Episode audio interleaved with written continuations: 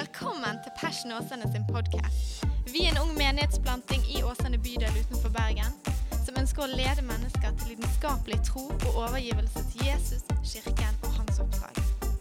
Takk for at du lytter til vår podkast, og vi håper du blir oppmuntret og utfordret i din etterfølgelse av Jesus. Du, de neste ukene så Jeg har vært litt sånn uforskammet. Og Det er ikke en stor synd, jeg tror ikke det er en synd, men jeg har tatt de tre neste søndagene og sagt vet du hva, jeg har lyst til å preke alle de søndagene. Og Grunnen til det er at det er tematikk som jeg eh, har kjent lenge på, så jeg har fått lov til å dykke litt inn i, i, løpet av de ulike år. Men så kjenner jeg at jeg har lyst til å kunne få lov til å virkelig dyppe, dykke inn i den materien. Og for oss som menighetsfamilie å kunne få lov til å løfte det opp da, og få lov til å gå litt inn i det. da. Eh, og jeg tror at Det viktige tema og det vi skal snakke om, er Guds rike. Da. Og Jeg vet ikke hvilke tanker eller assosiasjoner du har når du hører det. Um, jeg kan bare si at Det er utrolig mye innenfor det feltet. her. Da. Og Jeg gleder meg til å kunne få lov til å dykke inn i det. Og uh, Vi ba litt før gudstjenesten her i dag, men jeg, jeg tror at dette temaet her altså På ingen måte kommer vi til å do justice til temaet, for dette er bare endeløst. Men jeg håper at vi kan få lov til å være med å åpne noen vinduer sånn at vi kan få lov til å se litt inn i det landskapet her. For når det kommer til Guds rike, og det Bibelen snakker om når det snakker om Guds rike, er ganske heftig. Og det har noen rike implikasjoner for livene våre. Eh, så I dag så skal jeg prøve så godt jeg kan å få lov til å legge et lite fundament. Og så Neste søndag altså om to uker, så skal vi snakke om, eh, om Guds rike til mennesker. Det å formidle Guds rike til enkeltmennesker. Og så skal vi snakke den tredje søndagen om Guds rike til verden. Det å være med å formidle Guds rike til samfunn, omstendigheter og ulike sfærer av verden. Som er veldig veldig spennende. Så jeg gleder meg til det her. Jeg håper at du også gleder deg, for jeg tror det kan være med å gi oss en litt sånn stor meningshorisont for livene våre. Verset vi tar utgangspunkt i i dag, er noe Jesus sier i bergpreken, midt i bergpreken, i det sjette kapittelet der. Bergpreken er fra Matteus kapittel 5 til kapittel 7. Og Så preker han utover der og så sier han, folkens, dere må slappe av liksom, hva dere kler dere med. Ikke stress liksom, om, om, det er liksom Calvin Klein eller om det er Miss 60. Miss 60 det er sånn jentemerke, ikke det? Eh, ikke, ikke, stress med liksom, hva klesmerket dere går med, eller ikke stress liksom, hva mat dere spiser, om det er First Price eller Gilde. Liksom. Ikke, ikke, stress med de tingene der, for alt det der søker folk som ikke kjenner Gud etter. Men slapp av, liksom. Deres pappa i himmelen han vet at dere trenger de tingene der. Han bryr seg om dere. Men søk først Guds rike og hans rettferdighet. Søk først Guds rike og hans rettferdighet. Og Jeg tipper at det er et par mennesker her inne som har hørt akkurat det verset før. Kanskje et av de mest velkjente versene Jesus sier. Og Det jeg har lyst til å snakke om i dag, er Guds rike. Hva er sånn egentlig Guds rike for noe i det hele tatt? Hva er Guds rike for noe? Jeg har stilt meg det spørsmålet mange ganger. Og jeg tipper at det er flere som har stilt seg det spørsmålet. Hva er Guds rike for noe sånn på ordentlig? Så vi tar og be en veldig kjapp bønn. Jesus, vi takker deg for ditt rike. Og takker deg, Jesus, for at det, det, står i ditt ord her at du kom for å forkynne evangeliet, de gode nyhetene om ditt rike. Jeg har lyst til å be deg, her om at uh, de øyeblikkene vi deler her, at uh, de skal få lov til å åpne våre hjerter til å forstå hva du snakker om når du snakker om ditt rike. Jeg ber om at det skal bli mer enn hodekunnskap, men at det skal få lov til å bli kjennskap og til frukt i livene våre. Herre. Og Hvis du er enig med det, kan du få si amen. Amen. Det ble ikke en veldig kort bønn. Beklager det. Jeg husker I det kirkebygget her, eller dette bedehusbygget her, så i den menigheten jeg vokste opp i, som var Åsane frikirke i sin tid, så husker jeg at etter søndagsskolen sikkert dette jeg og Mats og Mathias eh, og Runar hadde prøvd å rømme, men etter søndagsskolen, og vi var ferdige en gang, så gikk ut døren, utgangsdøren der nede. Og jeg husker det fortsatt. Du har sikkert de øyeblikkene i livet ditt der du bare husker at den gangen jeg var på det stedet, så tenkte jeg den tanken der, og det var med å liksom sende meg i en retning. da. Har dere den opplevelsen noen gang? Sånn at Du kjører bil et sted, så kommer du til det punktet der du bare sier jeg husker den gangen jeg kom her, og husker hva hun sa. Jeg har ennå ikke glemt det, men jeg har prøvd det til. Sant? Du skjønner hva jeg mener. Men da jeg gikk gjennom den døren der for så mange år siden, jeg, tror, jeg tipper jeg gikk i 5. klasse, ca. 10 år gammel, så husker jeg at idet jeg gikk ut døren der, så slo tanken ned i meg. Jeg hadde vært på søndagsskole, har preget av det jeg har vært med på der. sterke saker. Og så tenkte jeg Daniel, tror du egentlig på Gud? Tror du egentlig på Gud? Og jeg husker at Det var ikke en sånn lystbetont tanke. sånn Jeg bare tenkte jeg tror på Gud. liksom. Det var mer sånn at Tror du seriøst på Gud? liksom? Jeg vet jo at Mamma og pappa er ikke liksom helt i vater. Liksom. De er jo helt Jesus. liksom. Men er du liksom, hvor er du hen? Og så åpnet det døren til de eksistensielle spørsmålene som vi lærte om på skolen. Liksom, Hvem er jeg? Hva skal jeg? Hvorfor er jeg her? Og så videre og videre. De svære, feite spørsmålene. Og jeg tror at de fleste mennesker har tenkt de tankene der. Men mer enn bare i møte med sitt eget liv så tror jeg at vi har tenkt tankene i møte med verden. Altså The world, liksom. liksom denne, denne ballen her, som flyter rundt i en melkevei, sier de. liksom. Sant? Det vet jo vi egentlig ikke. Vi bare stoler på astronauter og så ser vi sånne lange ting som sier at vi flyter rundt. liksom. Men, men liksom, verden, hvor kommer den fra? Og, og hvordan begynte han? Men, men enda mer hvor ender liksom greien her? Og Vi har liksom noen kilder tilbake et par tusen år, men når begynte menneskene? Og, og når slutter det? Og hvorfor er vi her? på en måte? Er, er dere med meg i de svære, feite spørsmålene der? da? Og du kan jo, Jeg vet ikke om du har prøvd å tenke tanken evighet før. Har du tenkt den før? Liksom, Jeg skal leve evig. Og da bare kjenner du at du tar salto i hjernen har du merket det? Er bare sånn der, du begynner å riste. bare sånn, Hvordan funker det der? Men tenker du for mye på de store spørsmålene i møte med verden, så bare, hva er greien her, da? Og sammen med spørsmålet om hvor kommer vi fra, og hvor skal vi hen, og disse svære, feite spørsmålene, så har mennesket gjennom hele historien tenkt tankene i møte med verden at en dag så vil ting bli bra igjen. For at Vi lever i en verden og du trenger ikke å dykke veldig langt ut før du forstår at alt er ikke great. liksom. Sånn at vi alle kan se på kroppene våre. men I den forstand at du kan se at du har arr osv. Og, og, og så tenker du at tenker jeg, ja, Hvor skal du med det? Men altså, du kan se at du har arr, du kan se at du har skadet deg. sant? Det har skjedd ting som ikke var helt tripp topp. sant? Og på samme måte som din bestemor, når du falt når du var liten, og så kom du til bestemor og bare, 'bestemor, jeg skadet meg, liksom. Og hun bare vet hva, det kommer til å gå kjempebra. sant? Du husker det? Og så er det en sånn forhåpning i mennesker vil jeg påstå, at en dag vil ting bli OK. da. Jeg gjorde litt research før jeg kom her i dag. Og Det var en gresk poet som heter Hesiod. Jeg kunne ikke name-droppe det hvis jeg ikke hadde lest det. Han skriver i antikken om en tapt gullalder fra en fjern fortid. Og Så ser han ingen lys i nåtiden, og han ser ingen håp for framtiden. Men det har vært en fjern gullalder. Filosofen Plato, Plato han, eh, han hadde en drøm om et ideelt samfunn der alt var styrt ut fra filosofiske prinsipper. Og der alt var helt fantastisk. Men han forsto ganske kjapt at det kommer ikke til å funke så lenge mennesker er med på greien. Så det var liksom håp om at en dag skulle ting bli fantastisk. Men det kommer ikke helt til å funke. Og så har vi en romersk poet, popstjerne på den tiden, som het Virgil. Han sang om en person som ville komme og starte historiens store linjer på nytt.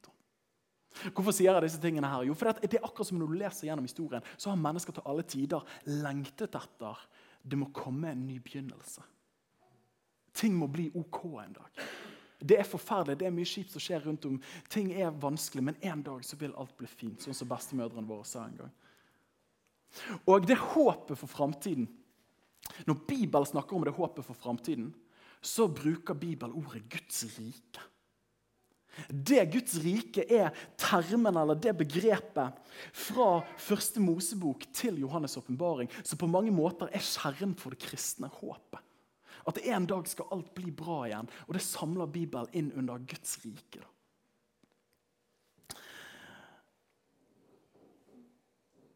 Profeten i Det gamle testamentet snakket om Guds rike.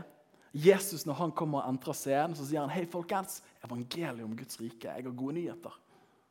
Og så snakker han om Guds rike, og det er som en rød tråd gjennom hele den bibelske beretningen. Og Jesus oppmuntrer oss, og De kristne forfatterne oppmuntrer oss til å sette tankene våre mot Guds rike og søke Guds rike først. sånn som vi leste om i dag. Men da er det store spørsmålet når Bibelen snakker om Guds rike, hva i huleste er det Bibelen mener med det? Og hvis det er på mange måter kjernen og liksom kjernen og stjernen for det kristne håpet Ikke sånn som alle de andre greske poetene, og romerske filosofene og de greske filosofene som liksom hadde noen forhåpninger og noen vage antydninger. Så kommer Bibelen og sier nei, nei, nei, nei, det der er menneskelig at man lengter etter noe. Men du ser det mest i klartekst når du kommer til Bibelens Gud og åpner boken, når han snakker om Guds rike. da.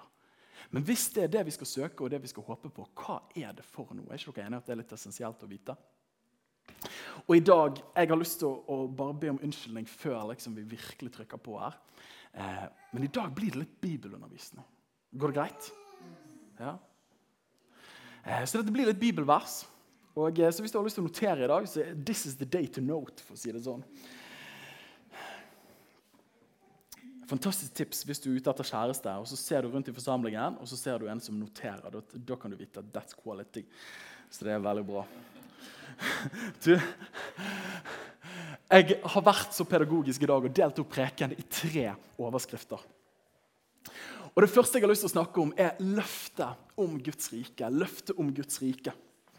Og det gamle testamentet, Bibelen er delt inn i to hoveddeler. og I det gamle testamentet så har du 39 bøker, og så har du i det nye testamentet 27 bøker. og Det blir en helhet, og det er over 40 forfattere. og Bibelen er skrevet på over 1500 år til sammen. Og Selv om det er ulike forfattere, så tror vi som Jesus-troende personer at Gud har inspirert de ulike forfatterne i sin tid til å skrive. Da.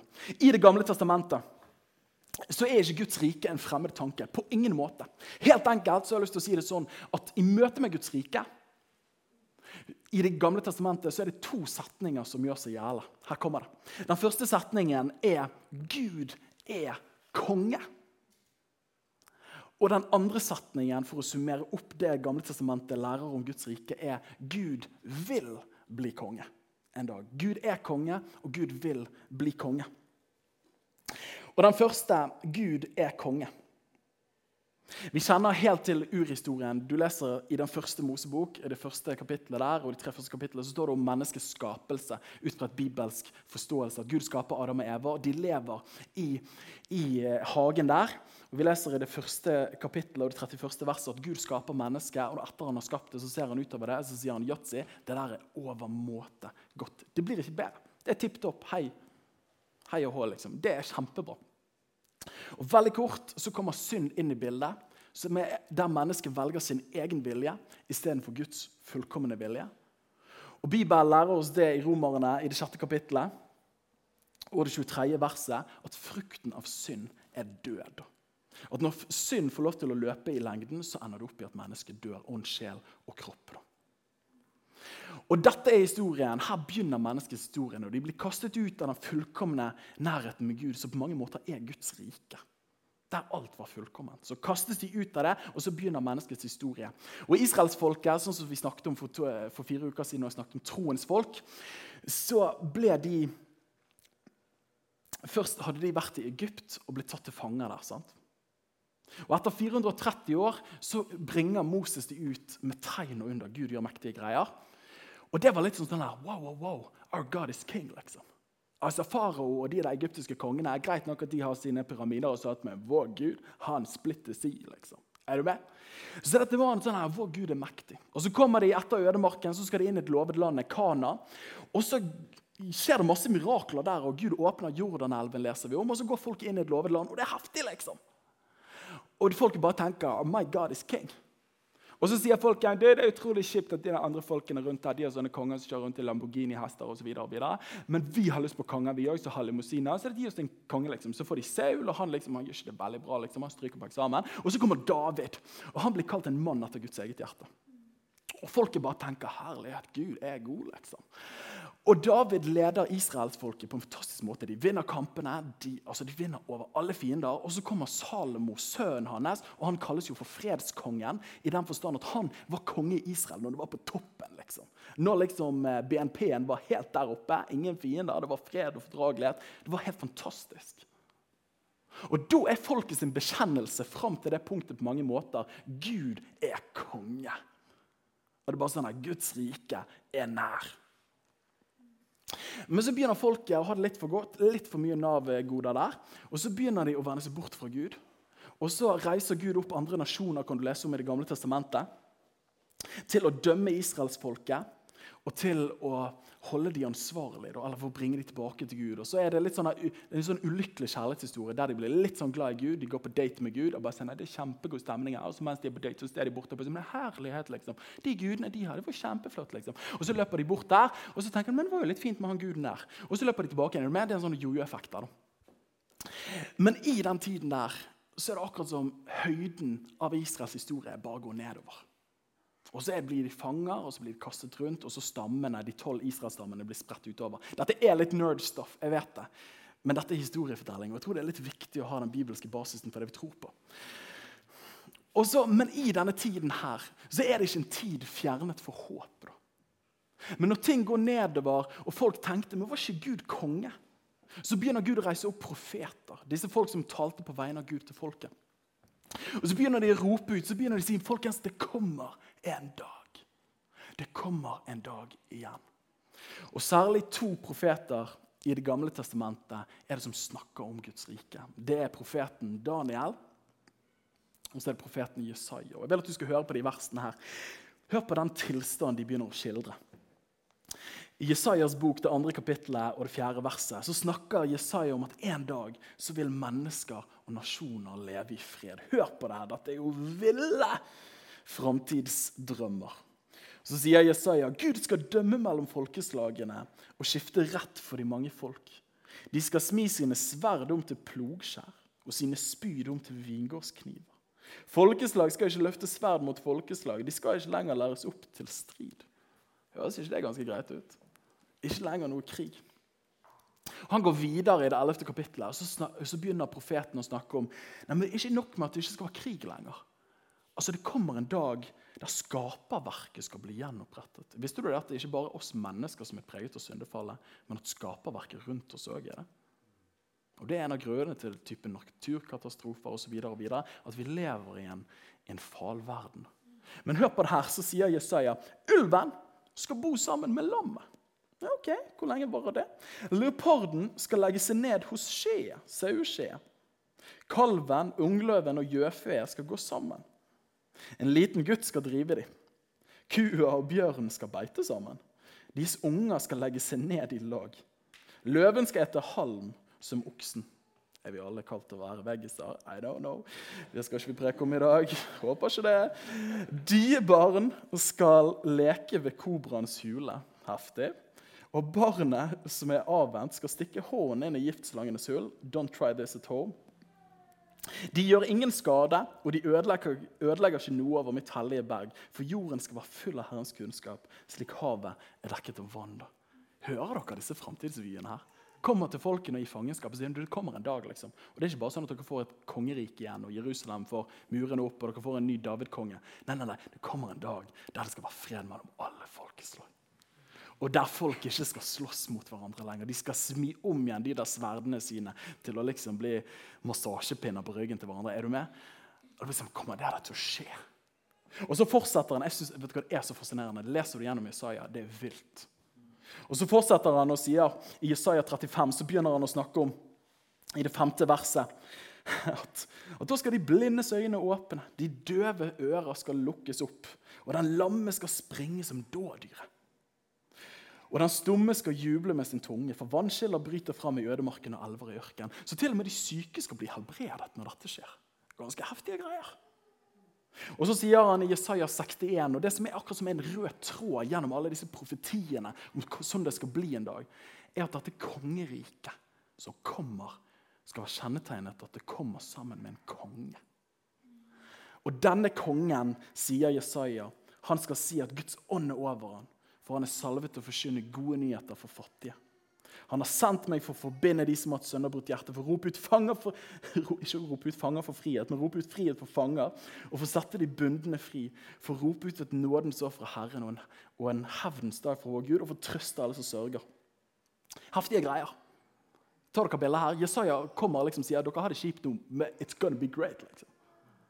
Og de bare ja, herlighet, det kommer til å bli fantastisk. Og Daniels bok jeg syns Daniels bok er spennende. Men i Daniels bok i det andre kapittelet så snakker Daniel om at det kommer en stein fra himmelen.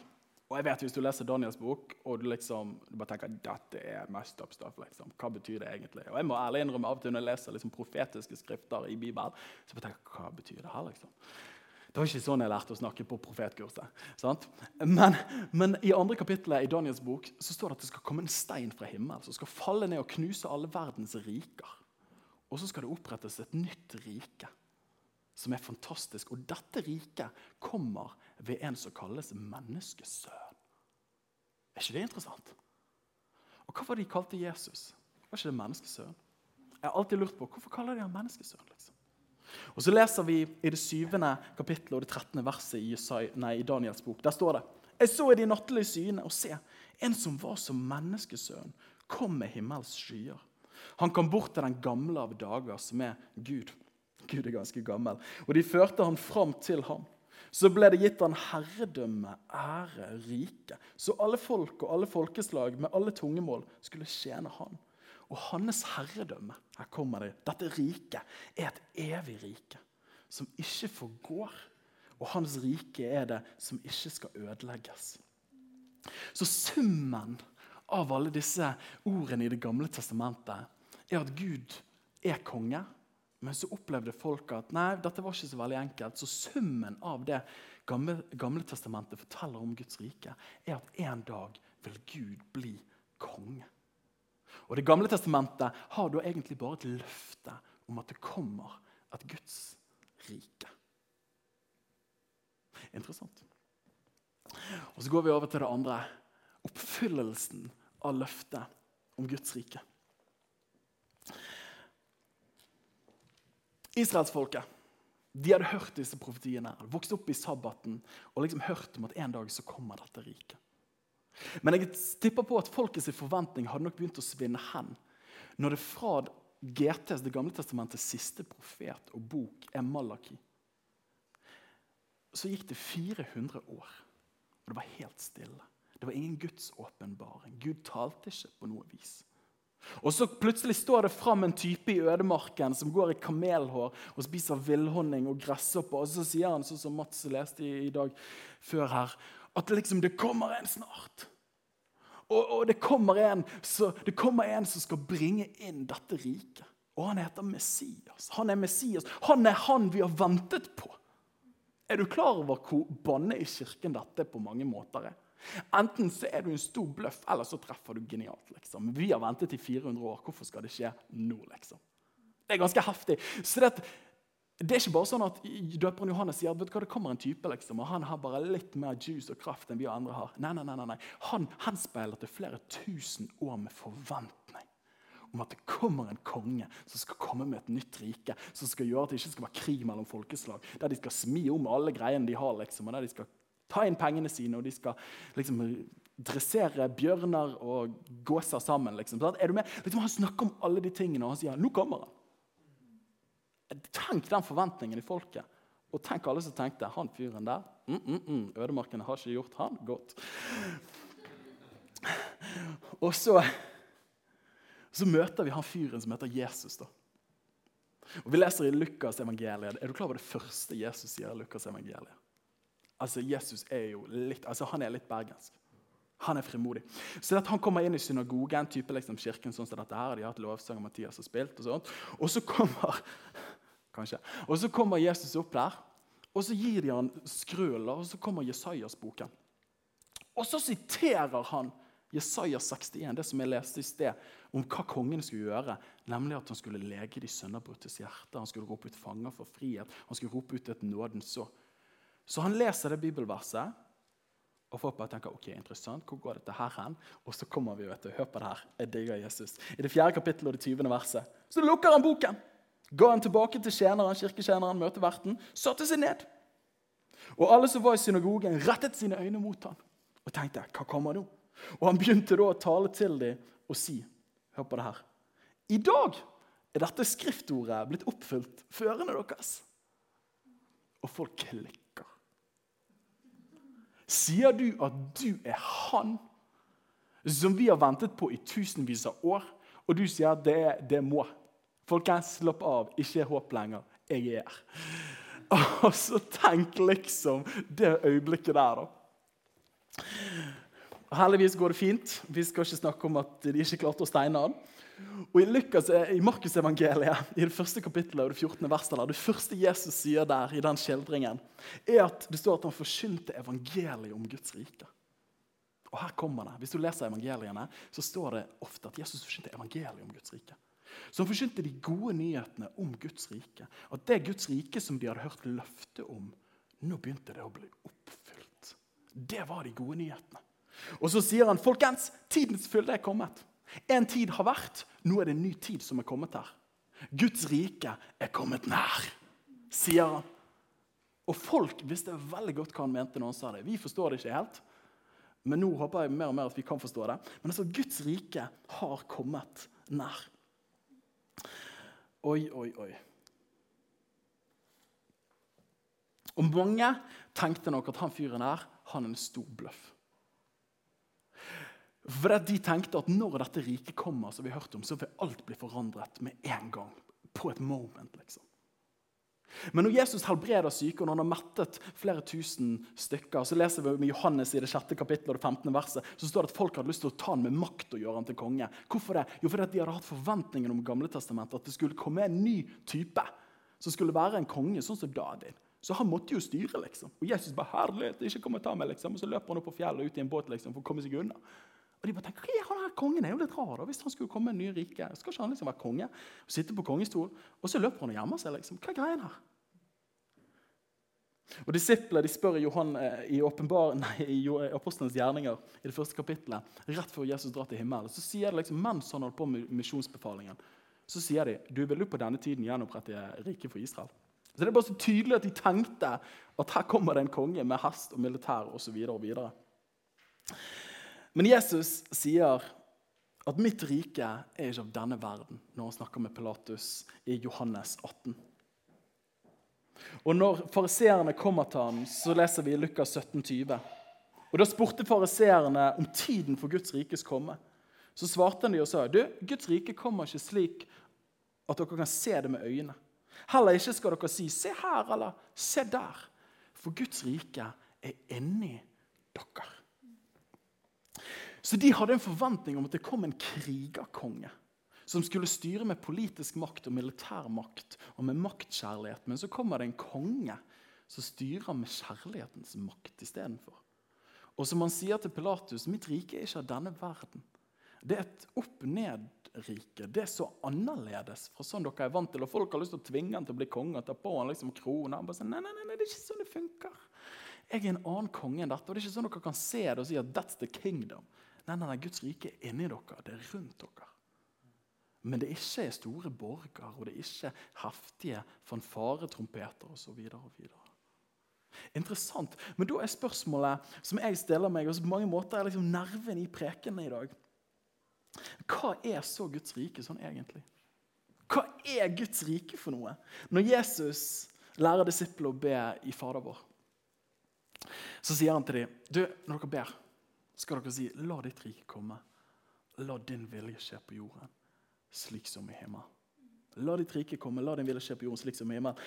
Guds rike, skriver jeg, handler ikke først og fremst om et begrenset geografisk område. Men det handler om Guds herredømme, skriver en teolog. Det handler om Guds styresett. Det handler om hans autoritet som igjen vil ha varierende nerver på ulike steder. Og helt enkelt, Når jeg skal liksom wrap my mind around hva er Guds rike, så definerer jeg det som når jeg har lest ulike teologbøker, at Guds rike det er Guds fullkomne vilje som regjerer. Tok dere den? At Det handler ikke først og fremst om geografisk område, men det handler om at Guds vilje regjerer på det stedet. Guds vilje regjerer på det stedet.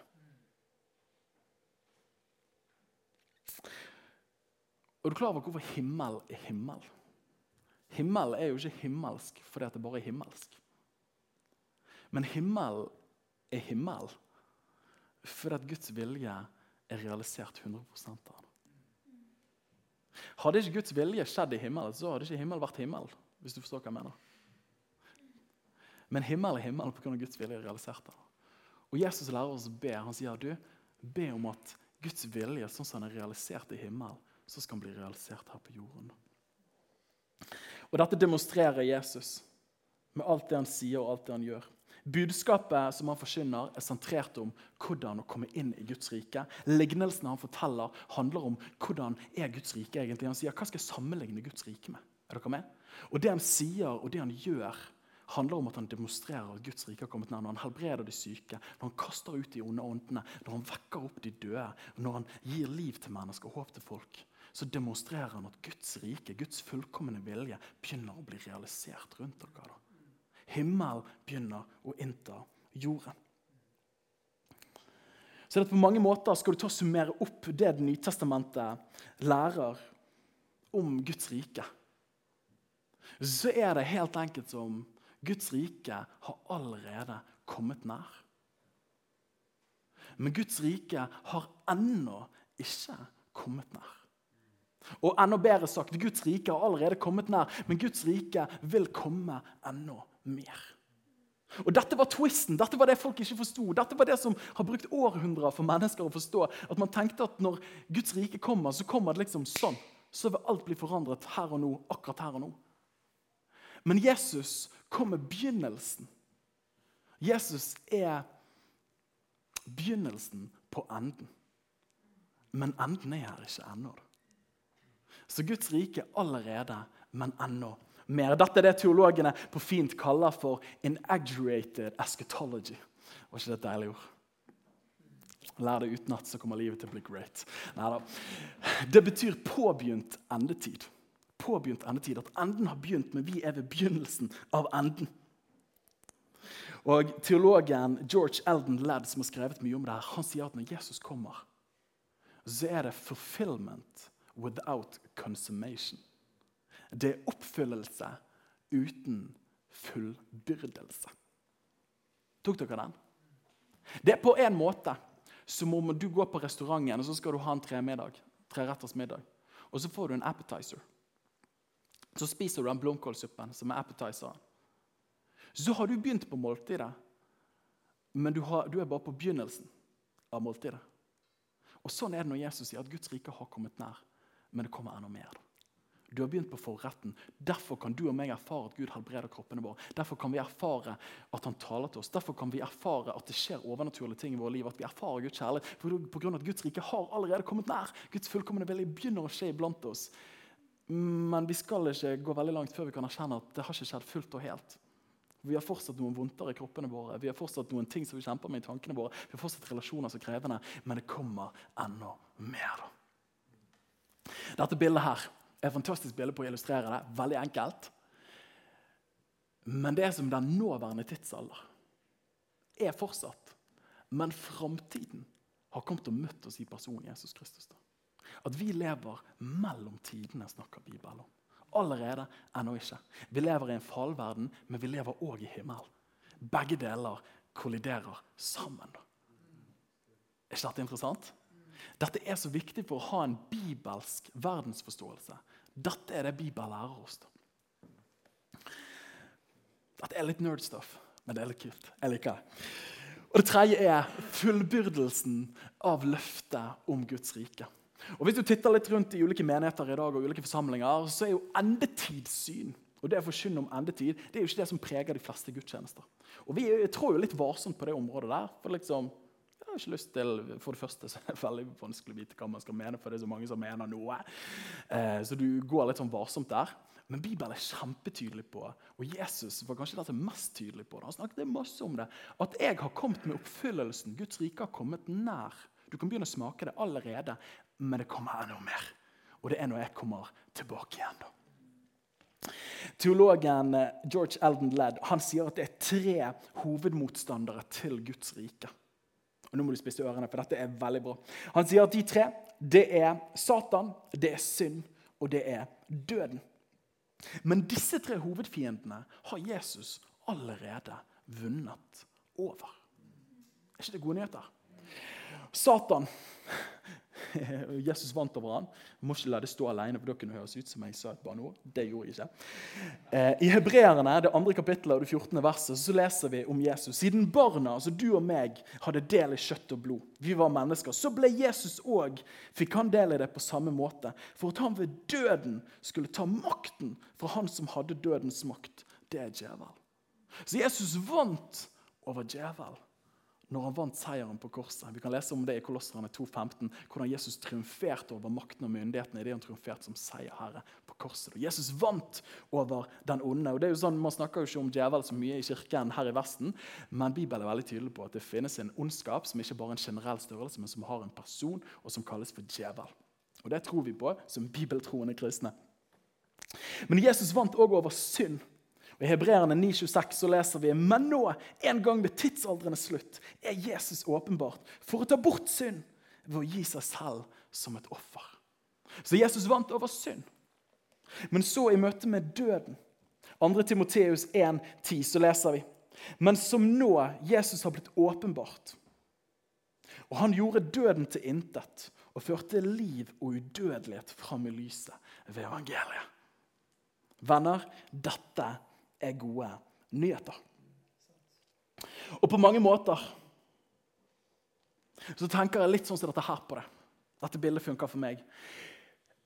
Men at Guds rike har allerede kommet nær. Men det kommer enda mer.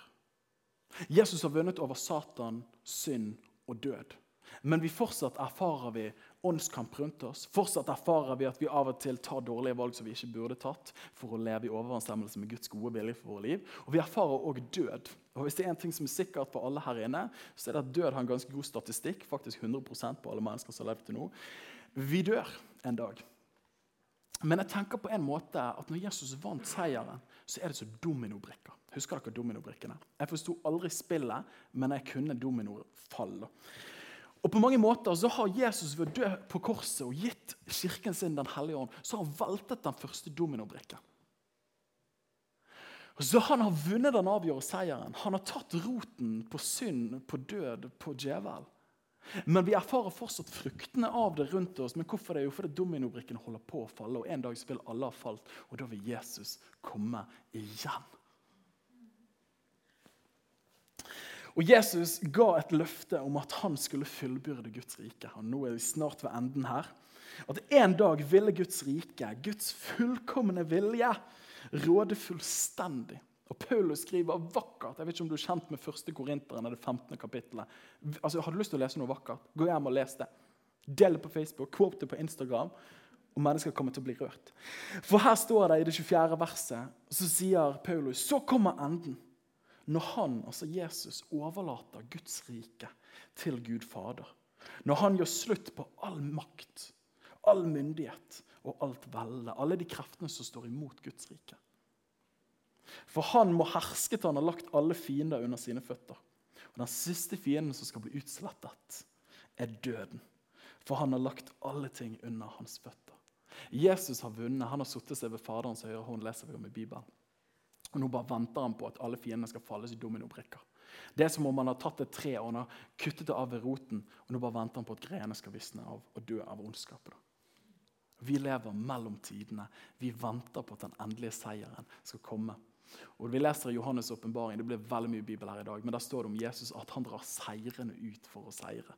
Det er vår konge. Det er sånn du og meg er kalt til å leve kristenlivet. Vi lever ikke for seier, vi lever fra seier. Og så bare venter vi på å cashe inn den seieren som allerede er vunnet for oss. Da. Og venter på at han blir fullbyrdet og ikke bare oppfylt i livene våre. Da.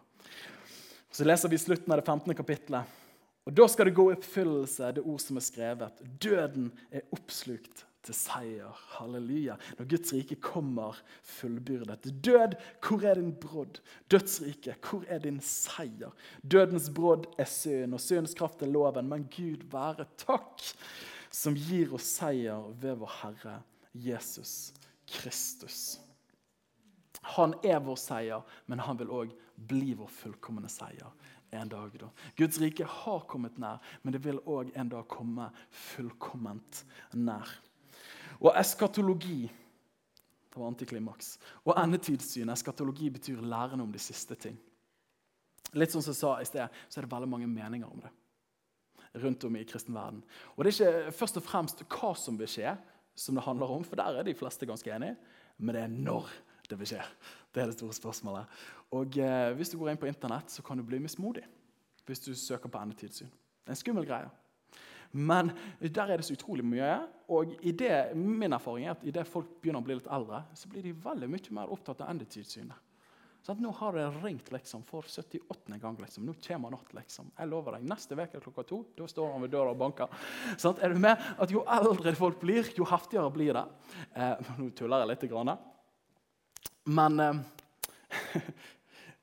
når du tolker bibelske profetier, så er det masse ulike tilnærminger. Det er noen som bruker preterisme, historisme, futurisme, idealisme.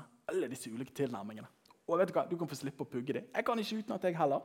Og så er det ulike meninger om det er amillennialisme, eller om det er premillennialisme eller det postmillennialisme. Og hei hvor det går, liksom.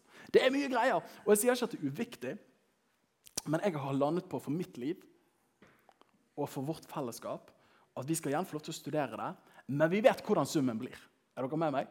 Så det er Hvordan helt faktorene liksom legger seg der, det er ikke det som avgjør liksom, hele bildet. Det avgjør ikke så veldig mye så lenge du vet summen. Jeg vet summen. Jesus kommer tilbake. Han kommer til å opprette Guds rike, fullbyrdet, og det kommer til å bli himmel på jord.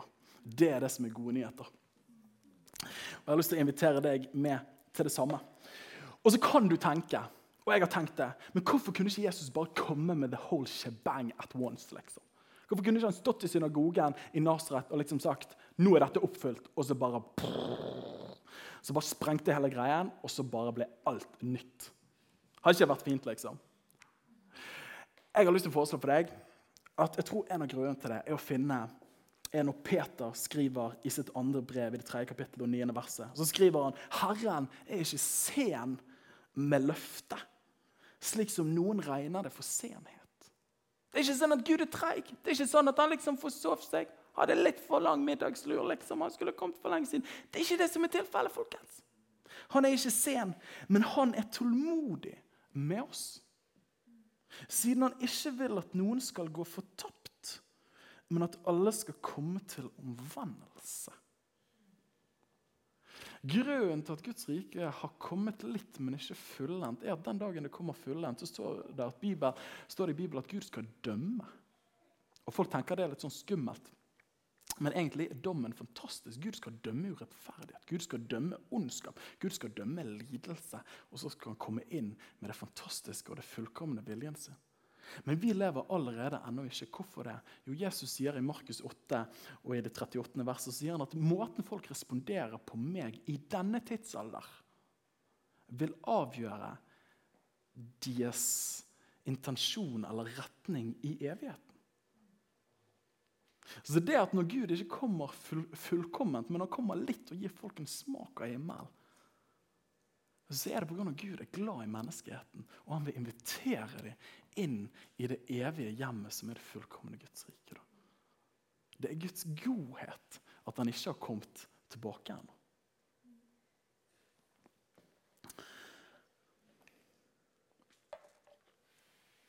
Så hva mener Guds rike? Eller hva mener Bibelen når man snakker om Guds rike? Hva er Guds rike?